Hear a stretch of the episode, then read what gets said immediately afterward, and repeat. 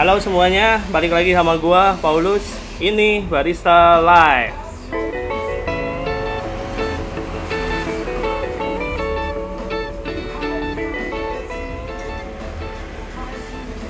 Halo semuanya, apa kabar? Semoga baik-baik aja. Ya, ini gua lagi di daerah Canggu. Tepatnya di lagi di kedai kopi bahasa ini. Ini eh, letaknya di pinggir jalan banget sih. Nanti mungkin ada suara-suara motor, mobil gitu. Ya nggak apa-apa lah ya. Oke, ini sekarang kita lagi di episode bincang owner yang gue nyanyiin kemarin. Eh, terus sebelah gua, eh di depan gua lebih tepatnya. ini ada langsung ownernya. Eh, kita langsung ngobrol-ngobrol aja ya. Oke. Halo semua. Ya, Nama saya Peter. kencengan bro kayaknya kencengan. Oh, kencengan. Siap, siap, siap. Nama gue Peter. Udah buka kedai bahasa hampir setahun. kedai bahasa hampir setahun. Lu aslinya dari mana, Bro? Dari Bandung, Bos. Bandung. Oke, sama kayak gue ya Bandung. Oke. Eh, lu baru satu tahun nih. Dari tanggal berapa berarti lu buka? Eh, grand, bukan grand opening sih. Soft opening lebih tepatnya tanggal 13 Desember kemarin. Jadi hampir satu tahun. Tinggal berapa minggu lagi nih? Oh, hampir Tiga satu minggu tahun lagi. ya? Oke. Nah, gue mau nanya-nanya dikit nih. Lu kenapa memutuskan untuk buka coffee shop di Bali? Kenapa nggak di Bandung aja? Kenapa buka coffee shop? Buka coffee shop, hmm, menurut gue ya, kita tuh semua orang lah butuh kopi nih. Ibaratnya banyak kaum milenial masa kini maupun orang tua tiap hari hampir 80-90% mungkin minum kopi ya. Siapa sih yang nggak butuh kopi? Karena dari itu, eh, gue coba aja buka coffee shop. Nah, terus kenapa selain itu coffee shop kita tuh pakainya beans Indonesia juga jadi nggak perlu import import segala macam semua beans lokal supply ada jadi nggak repot apalagi kalau dulu kan gue ngerjain impor impor agak ribet juga untuk masalah pajak-pajak semuanya Oh, lu tadinya usaha apa nih sebelum buka coffee shop? Eh, sebelumnya jualan sneakers sama ada bikin modeling Gundam gitu lah Oh iya iya iya, action figure gitu. Gundam sih, plamodel, plastik model Oke. Lalu basicnya apaan? basicnya kitchen bos Oh kitchen, tapi lu Kitchen. buka buka coffee shop. ya namanya juga coba Oh oke. Iya. Nah, lu kenapa harus di Bali sih? kenapa harus di Bali sebenarnya nggak ada alasan spesifik buat buka di Bali sih tapi Cuman? lebih tepatnya gak di Bandung karena buat gua Bandung rasanya udah terlalu saturated banget untuk masalah coffee shopnya ya Udah banyak banget. nah itu udah banyak banget tiap kita belok pasti ada aja coffee shop apalagi mereka jual murah-murah banget bisa 15.000 per cupnya Nah, mau ngomong-ngomong soal banyaknya coffee shop di Bali juga, bro banyak banget bro coffee shop. ya banyak sih cuma kan coffee shop di Bali gua rasa nggak belum bukan nggak ya belum semaju di daerah Jawa Barat begitu Belum semaju dalam artian gimana maju itu? dalam artian detail pengerjaan bikin kopinya begitunya ya Oh, oke. Iya iya iya iya. Nah, eh, gimana nih selama lu buka coffee shop di satu tahun di Bali? satu tahun di Bali Itu menguntungkan apa gimana? dia bilang menguntungkan juga belum sih ya soalnya kan emang target BEP eh, satu setengah sampai dua tahun nih Satu setengah sampai dua tahun, satu oke. setengah sampai dua tahun jadi dibilang menguntungkan juga belum ya namanya juga masih ngejar BEP dulu begitu Oke, lu lu owner tunggal apa banyak kan nih? Lu biasa? eh gue bertiga sih Lu bertiga. iya tapi yang running kedainya itu gua gua yang in charge di sini setiap hari Ah, sampai dari buka sampai tutup Nah, lu ada berapa pegawai berarti total? satu aja sih untuk Satu sekarang. peg- satu Ya. pegawai. nah mungkin bila ada yang berminat bisa melamar langsung nih mumpung lagi cari orang Oh, Oke, iya iya iya iya. Coba lu sebutin alamat lengkapnya di kedai bahasa itu di di mana? Di Jalan Pantai Batu Bolong nomor 29. Sebelahnya Canggu Jalori. Atau bisa juga cari di Google Map namanya Kedai Bahasa. Kedai bahasa. Nah, kenapa namanya kedai bahasa? Nggak kedai kopi, nggak kedai Apa? Sebenarnya ceritanya agak-agak agak-agak nyeleneh juga sih. Ah, Jadi gimana? H Hamin satu sebelum buka tuh belum ada nama. Hamin satu belum ada satu nama. belum ada nama kan gila Itu ya. GG. Nah itu makanya. Jadi pada malam itu kita bertiga voting masing-masing ngasih nama eh, ngasih opsi nama lima lima Iya. buah. Nah terus setelah dicoret-coret-coret-coret kayaknya yang cocok bahasa nih karena emang dari awal konsep gua pengennya coffee shop tuh orang ngobrol bukan bekerja atau main HP emang tempat nongkrong lah kayak di Bandung gimana sih Iya, kalau di Bandung sih pasti gadget lah ya. Nah, iya. Ya. Nah, gua rasa juga di Bali kan banyaknya orang tuh datang ke coffee shop untuk kerja atau apa ya, bukan bersosialisasi lah. Mereka lebih untuk diri sendiri, entah itu kabur dari keramaian atau memang untuk melakukan pekerjaan. Tapi konsep gua di sini dengan tempat yang kecil, space antar meja yang kecil pun menurut gua itu cukup membantu orang lebih mudah untuk berkomunikasi. Ya. Pasar sendiri nih di Canggu menurut lu kayak gimana sih? pasarnya bule sama lokal pastinya ya Ini emang orang-orang yang memang mengkonsumsi kopi atau emang orang-orang yang nongkrong kebanyakan di tempat lu? biasanya sih bener-bener yang mengkonsumsi kopi, ya Berarti jarang dong ada yang nongkrong cuman pesan es teh, wifi-an gitu. jarang tapi kalau nongkrong biasanya mereka lama sekalinya nongkrong tuh bisa tiga jam 4 Oh, jam tapi turnover minuman lu turnover minumannya sehari sampai 30 cup lah ya 30 cup. ya masih kecil sih untuk ukuran coffee shop coffee shop Nah, sebulan lain. lu habis berapa kilo berarti? sebulan mungkin sampai 15 20 kali ya 15 lah Oh, lumayan lah itu. Ya. 15 kilo sih lumayan. Lumayan. Lumayan. Iya, iya, iya, iya. Nah, menurut lu pendapat lu nih tentang banyaknya coffee shop di Bali itu merupakan saingan buat lu apa gimana? menurut gua ya saingan sih pasti saingan ya cuma saingan namanya saingan ber apa ya secara sehat saingan Ah. secara sehat Ya. jadi bukan kita jelek-jelekin coffee shop orang lain tapi Ah. lebih kita nonjolin kelebihan coffee shop kita tuh apa sih Oh, lu nonjolin kelebihan coffee shop yang gimana? gitu. betul Oke. Lu konsepnya sendiri lu seperti apa sih? konsep coffee shop gua lebih ke arah rustic gitu ya kayak eh rustic industri rustic industrial Iya sih gitu yang gua lihat sini banyak kayu-kayu, kayu, bata-bata ya. bata, semen, Men ya. kotor kayak juga mau- kali ya. Kayak mau buat bahan bangunan aja. itu dah.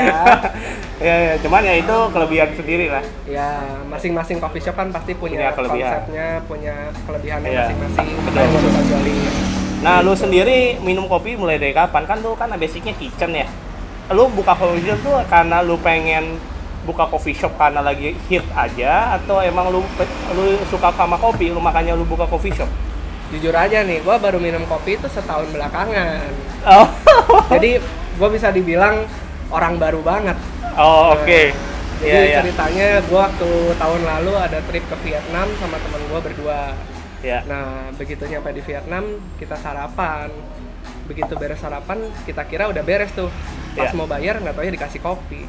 Eh, begitu diminum, Enak. apaan nih? Kok rasanya kayak coklat banget? Oh, Bukan oke. kayak kopi yang pahit-pahit Iya. seperti di Indonesia atau kopi instan gitu. Iya, iya. Makanya dari situ kayak, wih, gila kopi ternyata bisa ada rasa lain juga ya, lucu juga. Oh, lu karena dari sana Ya, awalnya di begitu. Vietnam lu minum kopi rasanya kayak coklat, makanya lu tertarik gitu. Betul, mulai explore sana sini, Terus kebetulan habis itu ya ada yang nawarin, eh mau nggak kita buka coffee shop di Bali nih?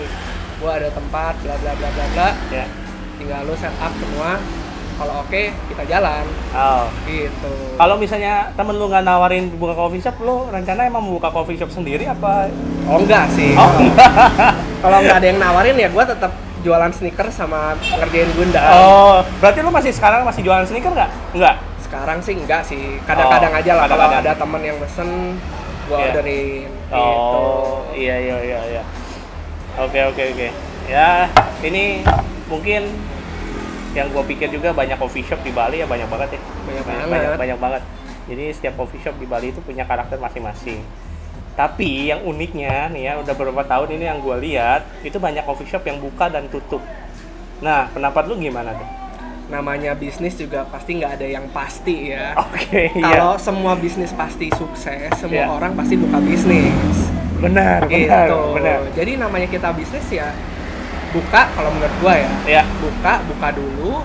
Terus rencana pasti harusnya udah ada dong. Jangan Ya. buka tapi nggak punya apa-apa. Itu Ah. namanya goblok. Iya, iya, iya. Minimal kita ada rencana untuk setahun ke depan atau enam bulan ke depan tuh harus ngapain aja sih untuk ngegapai market kita. Nah, kalau misal udah setahun jalan nih, terus kita lihat marketnya atau pendapatannya masih kurang, Ya. Itu tergantung pilihan dari kita lagi. Atau kalau kita mau ngelanjutin, Hmm. atau ya udah nih kayaknya nggak mungkin nih, kita tutup aja dah. Nah dari situ kan balik lagi ke pilihan ownernya masing-masing. Iya, iya. Gitu.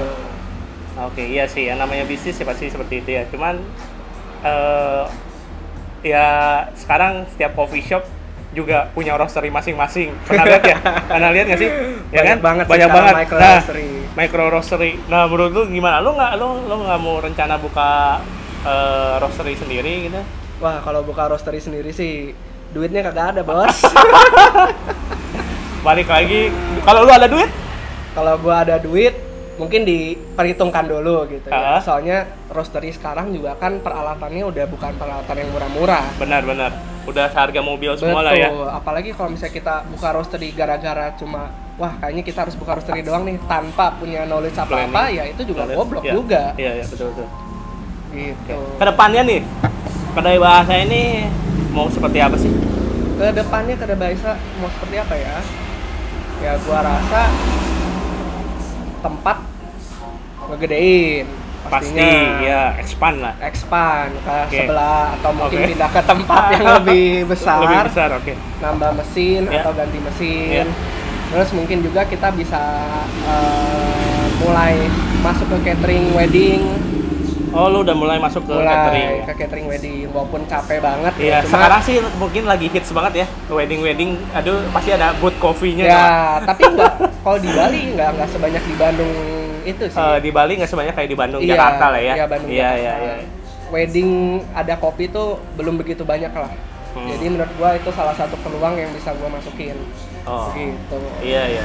Nah, gue minta saran nih buat ini mungkin yang ngedengerin podcast gue yang mau start start up untuk buka coffee shop gitu.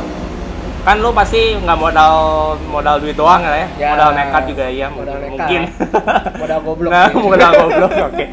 Nah, lu punya saran nggak nih buat anak-anak yang ya mau start up lah, mau mulai buka bisnis sendiri untuk di coffee shop gitu?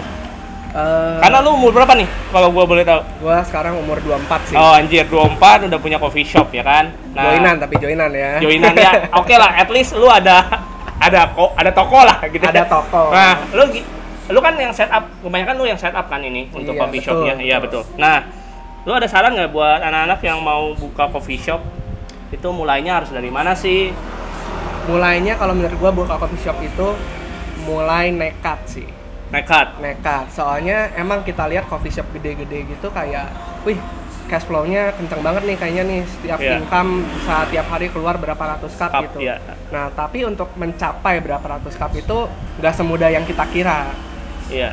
Nah, apalagi eh, persaingannya atau habitnya orang Bali dengan orang-orang kota di Jawa kan berbeda. Iya betul Nah, habit. Kalau orang kota di Jawa gitu kan mereka kopi emang kebutuhan, tapi sedangkan orang-orang Bali di sini lebih kayak orang liburan ya gua mau ngopi ngopi, kalau enggak ya enggak. Oke. Nah, Iya, jadi iya. menurut gua modal nomor satu modal nekat, modal nekat. harus siap mental. siap mental. Karena apalagi Bali juga kan destinasi pariwisata, pasti ada musim-musimnya rame, ada Ya. musim-musimnya sepi. Kayak sekarang bulan Oktober November gini musim sepi, ya kalau nggak kuat pusing sendiri juga gitu. Betul, betul. Jadi intinya tetap modal nekat lah nomor satu. Nah, oke, oke. Nah kedua Hah? modal duit pasti. Pasti modal duit. duit. Udah. Modal duit karena bisa dibilang ya buka coffee shop maupun kecil dengan peralatan yang standar gitu, bukan standar lamar Zoko ya. Itu udah beda level sih. Iya, iya, iya. Bisa dibilang dengan setup coffee shop kecil aja bisa habis peralatan 50 juta, 60 juta lah. Dengan 50 juta sampai 60 jutaan ya. Ya, Ya. tapi itu balik lagi tergantung mau mesinnya apa. Iya, iya. gitu. Tapi kemarin gua untuk ngabisin peralatan sekitar 50-60 lah waktu gua setup ini. Oh, lu waktu setup lu ngabisin 60 jutaan lah ya? Ya, anggap Iya, aja iya. segitulah. Oke, lu mau. Nah, Ya, ya. Kalau misalnya modal duitnya belum ada, ya menurut gua jangan buka coffee shop sih, karena agak sulit untuk mengembangkan coffee shop kalau dari kitanya sendiri belum siap atau belum menguasai pasarnya eh, di kopi. Oke. Gitu. Iya, iya, iya, iya. Atau solusi lainnya adalah ya kita hire tim marketing yang jago banget Ah, supaya coffee shop kita rame terus. Ya, Gitu. cuman untuk nge-hire itu kan lumayan ya. Ya, balik lagi ke modal lagi duit, modal kan, modal duit. Tapi kalau menurut lu nih anak-anak muda yang berpassion banget di kopi, dia mungkin modal pas-pasan lah. Bisa nggak? Ya, semua juga tergantung niat. Kalau misalnya modal pas-pasan bisa bikin manual brew, jualannya di gerobak, Ah, atau mungkin kita bisa sewa tempat di pinggir jalan atau di depan rumah orang atau di depan garasi, depan bengkel oke. Bukannya malam mungkin ya, bisa juga itu kan costnya jauh lebih murah daripada kita sewa tempat betul. satu gitu. Ya. Oke. Udah nggak kerasa udah 16 menit kita ngobrol.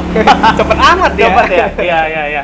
Thank you banget udah nyediain waktunya Siap bos. untuk Peter, Peter Sasongko ya. Peter Sasongko boleh Oke. dicari IG-nya juga. Ini cari IG-nya ya.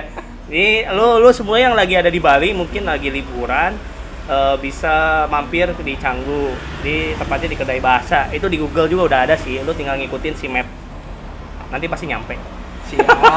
Kalau nggak nyampe ya. kalau nggak nyampe Ya mungkin yang nyetirnya Iya, aja iya, kali iya, ya. iya. oke sekian eh, podcast dari gua untuk episode bincang owner kali ini. Nanti mungkin next itu gua bakal ngebahas tentang eh, startup untuk coffee shop. Jadi ini tak gua ada punya tambahan lagi sedikit untuk apa yang tadi diomongin sama Peter untuk gimana sih anak-anak muda untuk buka coffee shop. Nanti mungkin gua lebih jabarin lebih lengkap lagi lah di episode edukasi untuk eh, startup coffee shop. Nah, yang kemarin udah dengerin eh, podcast gua yang episode bincang tani, mungkin kalian bertanya-tanya dari eh, dari Pak Triono itu kan disebutkan ada proses natural, full wash wash ya. Mungkin kalian bertanya-tanya yang masih belum tahu. Nanti gua di episode eh, episode edukasi nanti gua bakal bahas itu juga kok. Tenang aja. Makanya stay tune terus di podcast gua. Ya kalian bisa dengerin di Spotify dan di iTunes juga. Oke? Thank you udah dengerin Terima salam kopi ya bye thank you Peter thank you Sama-sama, Yo. Bos. bye bye Bye.